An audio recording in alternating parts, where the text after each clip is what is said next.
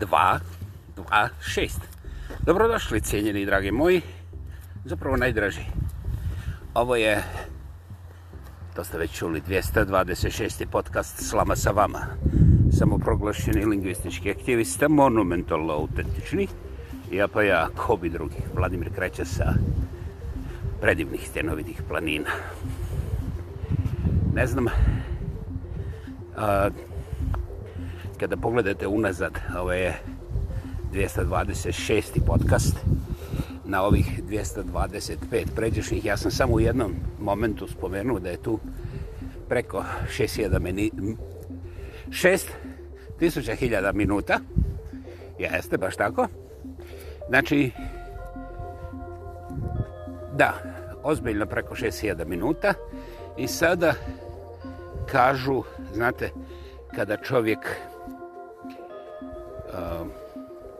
kuca na mašini bilo kakoj da prosječan čovjek ne može da otkuca više od stotinu riječi. Profesionalci kucaju, neki posebni profesionalci kucaju preko dvije stotine riječi, ali to su već rijetke zvjerke koje... Otprilike je ista uporedba kao regularni vozač i vozač Formule Znači, možemo se zadržati na stotinu riječi, iako je to previše statistike, kažu 70 do 80 riječi prosječan čovac otkuca u minuti. Istovremeno, taj čovjek u jednoj jedinoj minuti, bez ikakvog ubrzavanja, može da kaže glatko, znači ne mora biti profesionalac, može da kaže glatko 150 riječi. Dakle, ako uzmemo 150 riječi u minuti i onda odbacimo 50, ove brojke su strašno zanimljive jer imaju nekakve druge brojke, ali to ćemo ostaviti za neku drugu zgodu. Dakle, najkraće, ako stavimo recimo da ja ne govorim 150, nego da malo otežem, pa da govorim onda stotinu riječi u minuti, I onda od onih 6000 ostane ovoga čega? Stotinu problema, a najvažnije što ako je to broj riječi po jednoj stranici, onda mi trenutačno imamo roman od preko šest stotina stranica. Dakle, ono što možda niste primijetili, pisani materijal ovoga bloga je sada već ušao u enciklopedijske veličine.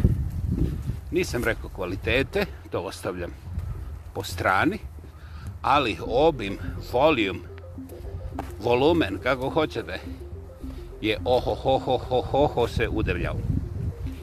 I Ja više ne brojim koliko imamo pratilaca, slušalaca, pretplatnika, jer sam nekako dosta ponosan na sebe što nisam se poskliznuo da monetiziram ovaj podcast. Naime, ovaj podcast je apsolutno fraj, mukte, džaba, nema love ni blizu ni dalje. Tako da, sve krivice i pravice ovoga bloga nisu pitanje mojih sponzora, hostera, nekih drugih tehničkih komponente ili šta ja znam, možda kuharice u lokalnoj kantini, ko bi to znao. Dakle, suma sumarum, ovo je doista organički non-GMO podcast jednog čovca, nikad preraslog u lovca, jer umjesto da po šumama pucam, ja se puno rađe šetam, i puno mi je manji pritisak. A, da, štiti mi okolinu. A, ja ne znam da li ste primijetili na mojim fotografijama ima dosta životinja. Dobro, najčešće su to psi, ali razlog je otprilike komplicirano objasniti, jer znaš, da bi potučao za jednom srnom i da bi se uslikao napravio selfie, treba biti Hussein Bolt ovaj, to je jedan deran koji ovako trči tako brzo da među nama dvonožnima jedino mogu da ga stignu munje, ali to već nije dvonožno, to je cap cap.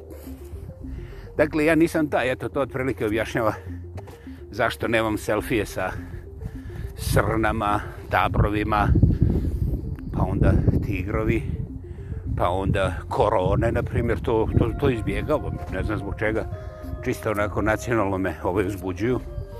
Dobro, religijozno također. I onda ja sam okolo ovaj, u igri na jednom sasvim 94. polju donekle, a onda poslije toga nikako ili nekako. Dakle, sad otprilike imamo nešto što sam ja prije govorio, ali nije mi ovaj, zgorega da ja to ponovim, jer e, postoji ljudi koji kad nešto slušaju ili čitaju, ja sam čitao danas o analizi nekih najozbiljnijih pera koja su ikada šetala ovom planetom i ovaj, našao sam nešto što nisam našao prije. To je otprilike kao kad uđete u Bečku operu, znate.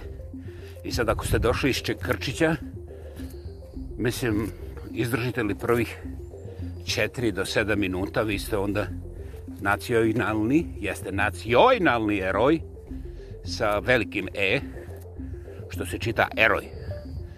Jes. Kad se vratite u Čekršćer, ste izdržali sve već to žaganje, mislim, ono, ovo bić, moj, moj gas je propul, nis, nisam ja dobro izžago, ja nisam pojel dosta tih žaga, zato mi nisu zvali u Bečku operu, sad znam u čemu je tajna. Dakle, kad ta neki junak ili junakinja uđu u bečku operu, naravno greškom, ne bi oni pri zdravoj pameti nikada, ovaj, kad ima tu kafana kod ovoga na čoše, razumiješ te stavljaju mešano meso domaći, sjec, sosomun, pravila ova stanka od odsko. Eto. Ali o njima se nekako zalomilo, ušli u Bečku operu i sad šta? Ovi njaču, ovi jauču, kod da im je neko, znaš, umjesto da je pogodio glavu Heksera, kod mu je razbio prst. Onda se ovaj, tamo sa, sa druge strane se ne javlja sa pokvarenom žagom. Onda, mislim, strava jedna koji zvuci.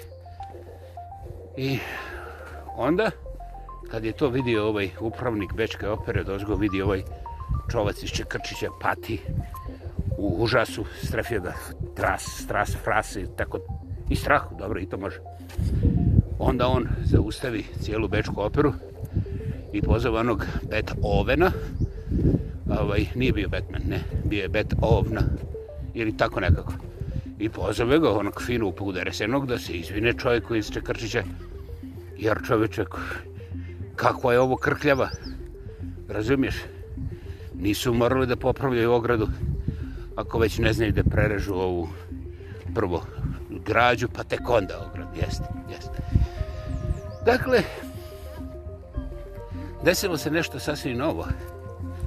Upravnik Bečke opere se nije oglasio, a ovaj Bet Oven je rekao, pazi ovako, ovaj, naravno, e, ja, ja sam psihodeličan, delujem na psihu, jeli? Ali informacije radi, ovo je slikoviti prikaz onoga što ja hoću da kažem, jer taj Beethoven, čak i Beethoven, i jedan i drugi su murtvi, ono, definitivno, ono, imali su gecrkt prije, oho, oh, oh, oh, oh, vremena, prije što se moja baka rodila, rad zapravo, ali on to neće reći jer bi onda moja baka ispala stara, mislim, šta vi mislite o moje bake govoriti takve stvari, i to iza leđa. Dakle, U toj mojoj peškoj operi priči pojave se Beethoven i ovoga kaže ovome išće kršća ovaj gospodine ja nemam nikakve sumnje da su vaše patnje duboke i razorne i bolne. Znate, ovaj međutim vama nisu rekli da kupovanjem ulaznice za operu vi ne postajete civilizirani, znate? Jer vi ste mogli platiti dvostruku cijenu, iste ulaznice, vi bi opet i bili ista taraba koja arlauče kod one cece sa ražnje i te stvari. I ovaj, vama ne može pomoći novac da postanete kulturno barem prisutni. I zbog toga to što vi doživljavate ovo kao napad i kao bolest i tugu i nesreću. Znate, ja ću vas zamoliti da izađete vani, jer kvarite večer ovim ljudima koji u ovome uživaju. Dakle, ja nemam ništa protiv vaše nepismenosti, a pogotovo ne protiv vašeg ukusa. Međutim, ako ste vi nepismeni i još usto otvoreno nekulturni, samo što me ovdje niste povratili na ovaj pod koji je inače vrlo skup. A mi smo platili glancanje sinoće, ovaj dvostruku cijenu. Nema veze što ste platili kartu, tražite tamo da vam vrate novci i izlazite odavde pod hitno, jer e, meni ne pada napomen da providem 200-300 godina u obrazovanju jednog samovoljnog balvana koji se samo kotrlja tamo gdje se njemu sviđa. Dakle, ne pripadate u operu. Šta sam ja htio reći? Pa, znate, izraz umjetnika, ja sam ovdje eto, imao Beethovena, imao sam tu situaciju iz Bečke opere, koja nije bila doslovce ovakva, ali joj, da spomenem imena, onda bi bilo svašta, međutim neću, neću, neću, ne treba mi ta diskusija, jer mislim da ste shvatili. Ako Beethoven nekome treba objašnjavati da njegova kompozicija nije žaganje, zakivanje, jeukanje, cikanje i pojma nema već koja je ludost, onda možete da shvatite da je neku vrlo sličnu stvar jednom magazinu, ne sjećam se kojem rekao i sam Hemingway negdje ovaj, jednu godinu dvije prije svoje smrti, kaže on, ja sam napisao to što sam napisao i meni je jasno da je moja metafora prilično jednostavna i pitka. To sam i nastojao. Međutim, bez obzira na svo moje nastojanje, vještinju, vještinu, pa čak i ovaj, te temeljne sposobnosti razumijevanja moga čitatelja. Ja se nijednom čitatelju neću izvinjavati što on ne shvata moju metaforu. Dakle, čitatelj je taj koji se nalazi pred dijelom i ako nije dorastao da razumije a, umjetnikov izraz, onda je to to. To je game over za njega, a ne za umjetnika. I šta se onda desilo? Onda se desilo da su došli prodavaci knjiga koji su jeli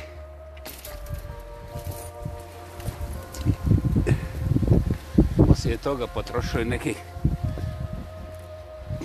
dobri 50, evo sada 60 godina I oni su rekli, hej, hej, hej, gosen umetnik. Mi ovdje prodajemo knjige na našim prodajnim mjestima za koje mi plaćamo čišćenje, popravke, održavanje, a onda naši trgovci moraju da odnesu plaću svoji djeci. Dakle, vi ne možete da budete grubi prema našim čitavcima koji su nepismeni i vi morate budete mekši i da koristite malo uh, eh, pristojni riječnik. Naravno, da se to u jednom Hemingwayu nije usudio niko reći, ali još je naravnije da su od tada pa do danas odrasle generacije takozvanih izraženih umjetničkih beskičmenjaka. Jeste, dobro ste čuli. I ovaj, njihov uspjeh, bez obzira da li tamburaju, njuču, jauču, plešu, gunjiću, munjiću. E, čudo je živo šta ima, šta sve ljudi rade i šta se računa umjetnost.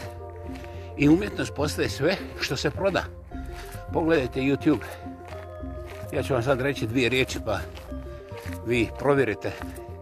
Kad upisate sexless, 2S, na kraju sexless marriage, vidit ćete da jedna drugarica koja govori o nečemu što gotovo nikoga ne zanima, što izgleda kao absurd, e, Bože moj, pogledajte, da je ona skupila preko 30 miliona pregleda. A jedan milion pregleda monetiziran je obično oko 70 hiljada dolara američkih. Dobro ste me čuli. Dakle, 3 plus 7, 21. Znači, ona je dobila dvojku, preko dvojke u milionima dolara za tih 30 i nešto miliona pregleda. Mole vas provjerite. Dakle, ona je uspjela, ona je popularna i nju zovu. Nju zovu. Ovaj, ja nemam ništa protiv te osobe, jer eh, samo posebe se meni čini vrlo kvalitetnim znanstvenikom sa nevjerovatnim iskustvom. Međutim, postoje neki ljudi koji se bave važnim stvarima, puno važnijim stvarima, ne ono ko koga prcka, nego na primjer, kako se iskorjenjuju te neke bolesti koje, eto, ovaj, ovise samo o higijenskim navadama, to jest disciplini. Nećemo kulturu, jer to ispada onda da filozofiram. Ovo je jedan primjer, a ima ih toliko da ja do, do kraja života ne bi stigao da ih prebrojim, a ne samo da ih komentiram. Dakle, gospodo moja, šta se desilo? Ja ću to sad preseliti na crno-bijeli svijet da bi došli do nekakvog zaključka jer e, pola sata ili malo više ne dozvoljava nikakve enciklopedijske širine i meni je to drago zbog toga što kao što znate ja nisam obrazovna institucija a pogotovo ne stručnjak koji drži predavanje da bi vas nečemu naučio ja samo kao pojedinac slobodno otpušten u šume daleke zapadne Kanade. Hej, govorim što ja vidim iz svoga kuta gledanja. Dakle, iz vašeg kuta gledanja stvari su definitivno moraju biti barem malo različite garant, a onda različito straste do vraćamo potpornog neslaganja, što je sasvim okej. Okay. I kada se vi potpuno ne slažete sa mnom, onda je to divota koju možete da zadržite i da napravite svoj podcast u kome sve to lijepo kažete i onda svijet aplaudira vama.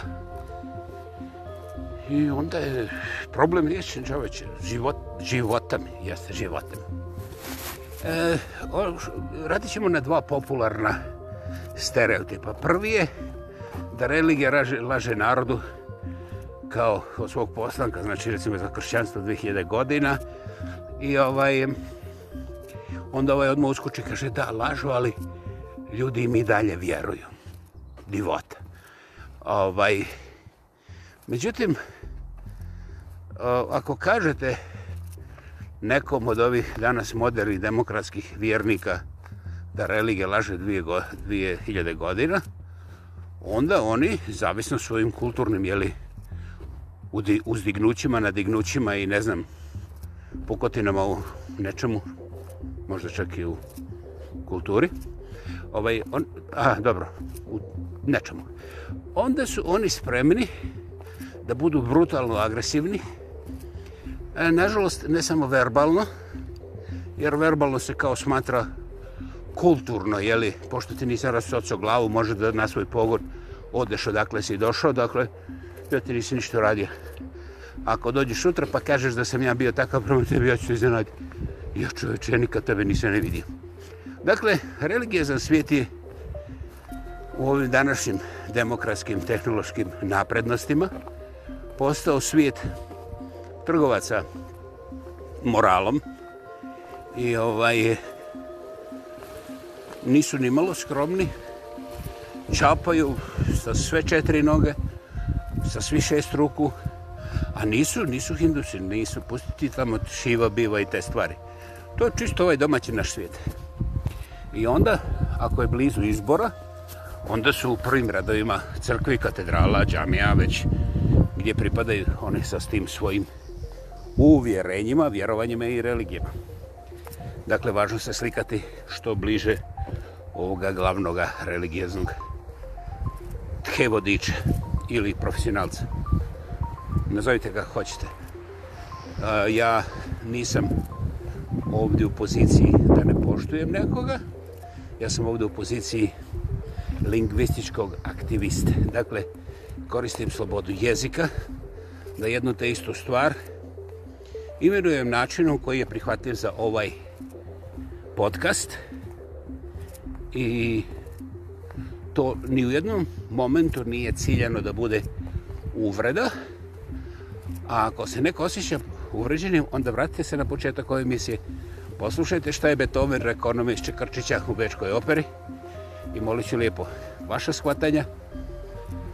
Ako su ograničena, ako su nepismena, nemaju informaciju i hoće samo da nađu problem gdje će moći da potežu buzdovan, jer znaš, ako se buzdovan osuši, ovaj, onda je to zlo, onda mi više nismo ratnici.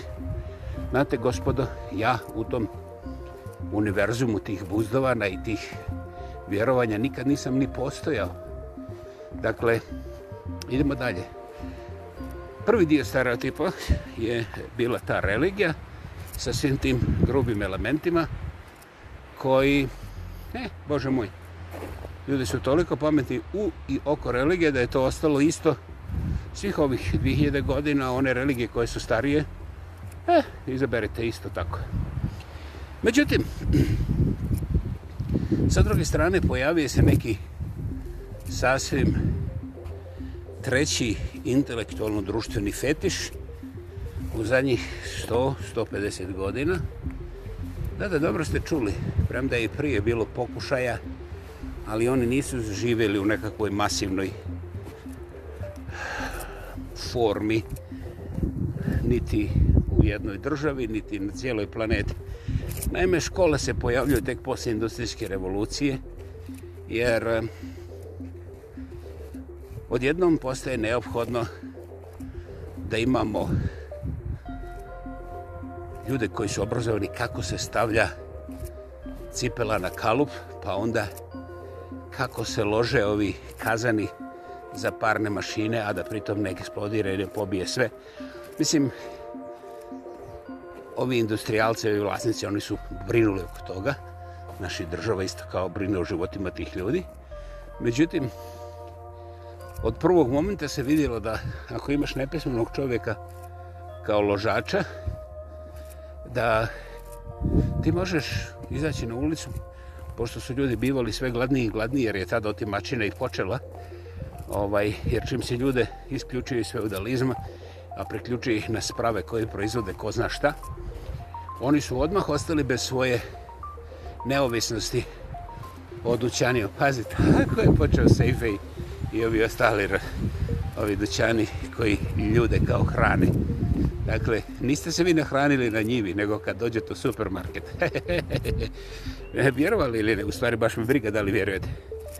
U jednoj anketi preko 80% mladih ljudi koji su završili srednju školu ovaj, apsolutno vjeruju da njihova hrana dolazi iz supermarket. Nijedan od njih u tim anketama više strukim nije spomenuo nikakve tamo ne, bezvezne poljoprivrednike ovaj, zemlju, i šta je znam te neke prirodne elemente, šta je znam ono, kao jaje i koka, mislim, o čemu tu mi razgovaramo, kad jaje se kupi lijepo u sefe tamo, ovaj, na odjelu mlijeka i sire i jaja. Dakle, zašto su oni počeli sa obrazovanjem? Ne zato što su imali manjka ložača tih parnih mašina, jer kada taj uređaj eksplodira, oni samo očiste, imaju dovoljno onih gladnih na ulici koji su odvojene od svoje zemlje i ovaj odmah nastave dalje. Međutim, dok oni čiste i dok uklanjaju sve to smeće, prođe vrijeme, dođe neko drugi sa većim ovim kazanom i napravi bolji posao, istisne ovoga sa tržišta, tako da su cijele države stale iza svojih industrijalaca i rekla no, da bi mi spriječili ovaj zased, da bi mi spriječili te ogromne gubitke, jer šta ćemo ako Albanija postane industrijska sila, da više nećemo gledati u Ameriku kad dođe 2001. Jel? Nego ćemo gledati u Albaniju kao industrijsku silu. Albanci nisu tako lijepi kao arijevski njemci ili recimo ovi vaspolci. Ne, e, oni su malo ovako mrkustasti, znaš, kod da su došli iz Indije, znaš, i onda bez veze. I ovaj, suma sumarum, počelo su da niču škole i onda je svakome koji je htio da nešto napravi svijetu rečeno, hej, znate, vi bez obrazovanja, bez ovih standarda, a koji su samo mogu pratiti od ljudi koji znaju šta je standard, znaš, a to opet moramo ići u školu, ovaj, ne možete napredovati. I tako se rodila jedna paralelna religija, ja to kažem uvjetno, znate, ali ozbiljno mislim, to je obrazovanje. I ovaj, od tada pa do danas, u ovih kratkih 150 godine, to imali smo aha, perverzije, jeli, u svim našim socijalnim ovim previranjima, društveni, politički, ekonomski, izvolite, navedite šta god hoćete, nećete pronaći ni jednu oblast ljudske aktivnosti i djelovanja ili života koja je ostavljena na miru ili recimo u nečemu što bi barem djelomično moglo biti ovaj, kako bi rekli, normalno, najzbiljnije. I sada u svemu tome, u toj perverziji, ja nisam nigdje prošto koliko je to obrazovanje u stvari postala što kaže naš stari narod Haza Kurveštija koja je u ime nekakvih pravdi, znanja i šta je znam koji sve ne ljepota, divota i tako dalje postala krvožedna Haza Kurveštija svakog društva gdje se god pojavilo Da li ja to kažem živolo neznanje? Znate, nemamo vremena da vam objasnim distinkciju obrazovanja i intelektualnog poimanja, promišljanja i rukovanja svijetom i njegovim kapacitetima. Znate, međutim, vrlo lako ćemo se složiti da ste i vi bili ne samo tamo kod nekog ložača školovanog kave vozača, kvalifi, kvalificiranog ložača ovih dimnih ili nedimnih nekakvih gluposti, nego ste bili kod liječnika. I onda kad porazgovarate samo dvije, tri rečenice sa nekim liječnicima, vama se nadigne. Nje, ne ono do likarice, nego kosa na glavi. Jer primijetite da ne možete tek tako povići jer, ćete vaša, jer će vas vaša vlastita djeca privesti nazad. Vi ste, naime, u tih prvih nekoliko rečenica pali u apsolutni fras jer ne možete vjerovati da jedan školova liješnik lupeta. Jeste, jeste, ne bih to pojašnjavao. Mislim da je taj latinski izraz stariji od ovoga Cezara. Mislim, kad popijete pola litra Cezara, znate onda i ostale detalje. I ovaj... Ne znam ko nije tako nešto doživio. Danas, što si gluplji, tuplji i ovaj, bezobrazniji, to ti je diploma veća. I ovda ljudi se ne usuđuju reći koliko je tih diploma kupljena.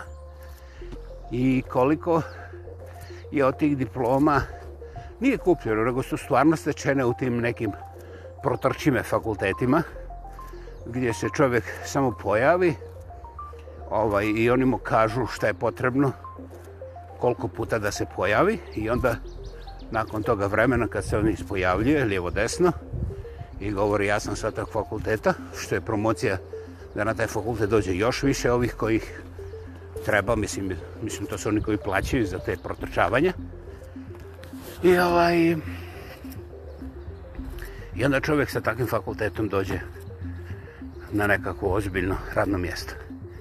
Umeđu vremenu, u ovih zadnjih 20 godina se primijetilo da ljudi na vrlo visokim pozicijama, najčešće političkim, što je smiješno jer ovoga, niko ne razgovara zbog liječničkih grešaka kolike armije svijeta su pobijene, recimo samo u, uh, samo u regionu. Naime, sve... Da, da, to je ono Balkan, znaš, one zemlje bivše i raspadnute.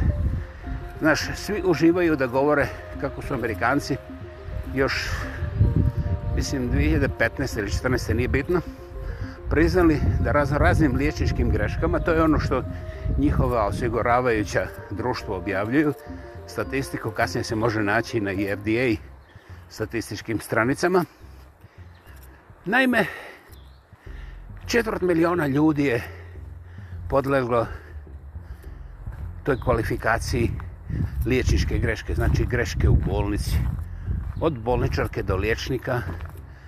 I ovaj, ja kada sam htio, na primjer, da pogledam koliko su bolničarke krive za smrt, a koliko liječnik, onda sam došao do nekih brojki koje su prilično sukobljene, jer je očigledno da, znaš, kako vrijeme protiče, te brojke se onako malo preuređuju, I onda uvijek ispane da su to bolničarke koje baš i nisu obrazovane kao liječnice, da su one učinile više grešaka.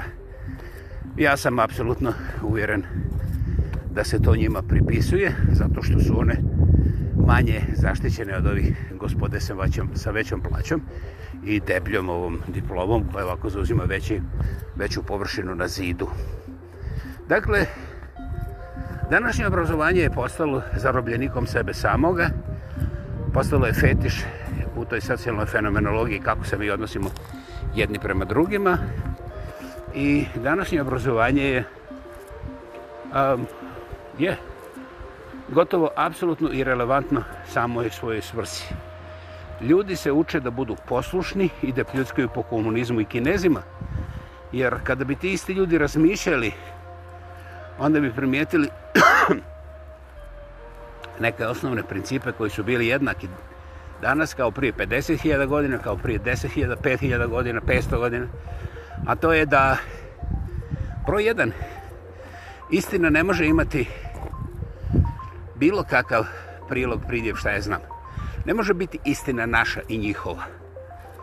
Jednostavno, to je nepomirljivo sa bilo kojim mozgom i dušom, znači i intelektom i religijom sve religije govore mi smo braća, ali ovi ovdje koji idu zajedno sa mnom u istu tu neku crkvu ili žami, oni su malo bratski.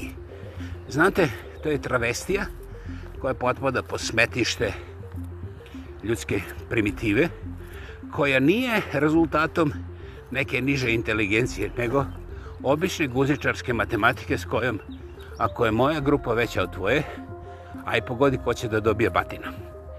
Ako je moja grupa veća od tvoje, aj pogodi ko će danas da jede pečenje, ako neće imati ni za kosti. I ovaj, to su sve principi za koje nije potrebno ni jedno, ni jedno jedino obrazovanje koji bi, recimo, prije hiljadu godina svaki seljak iz bilo koje zabiti, koji nikad nisu komunicirali s nekim drugim, odmah shvatio istovremeno. Taj seljak od prije hiljadu godina, ali isto tako je od prije sto godina, ne bi ni pomislio da vam naplati ručak s kojim vam je počastio kad ste vi naišli kraj njegove kuće i onda eto da vam se nađe zaput on vam stavi litar dva barem litar nekog pića što je on iscijedio i ovako kilu sira domaćega znate, sve to skupa on bi se uvrijedio mu pomen, da mu pomenete da mu pomenete bilo koji novac ili naknadu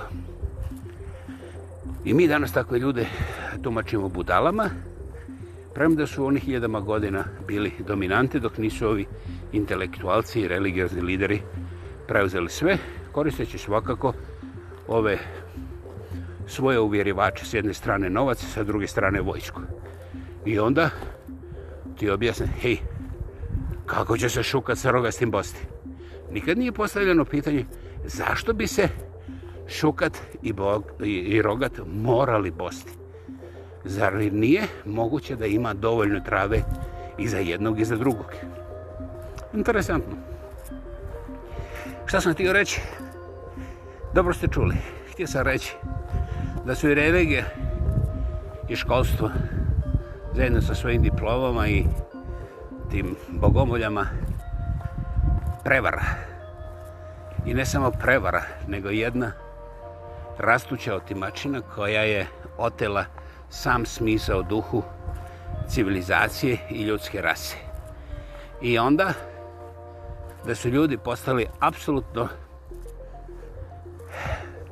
fascinirani kako američki buzdovan sigurno govori nešto puno bolje i kvalitetnije nego albanski buzdovan, jer albanci su kao zaostali i tako dalje. Da li sam... I evo ga. Dakle, telefonski poziv je bio tu i prekirnuo me. Ja sam sada u situaciji da ne znam šta sam rekao prije. Hm, sedam minuta. bio odličan telefonski poziv. Dakle, e, najvažnija stvar je da su i religija i ovaj e, obrazovanje, govorimo sistematsko obrazovanje, postali apsolutni fetiši potpuno promršenih duhovno-intelektualnih neuravnoteženosti u takozvanom modernom društvu, gdje postoji samo jedna kita, ali to nije kita našeg druga tita, to je totem zvani novac. I znaš, ako imaš dovoljno novca, onda možeš pljuvati i po Beethovenu. A, bože moj, Hemingway je inako mrtav.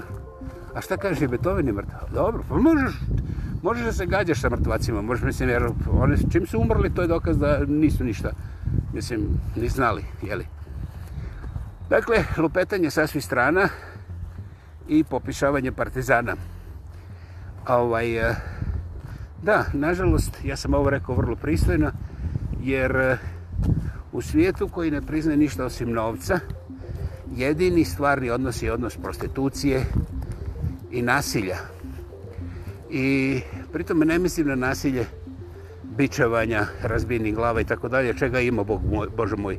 Ovaj, nego prije svega mislim duhovno intelektualno nasilje gdje su najpametniji među nama osuđeni da budu sprnja i da ih se gurne na sve moguće načine što dublje.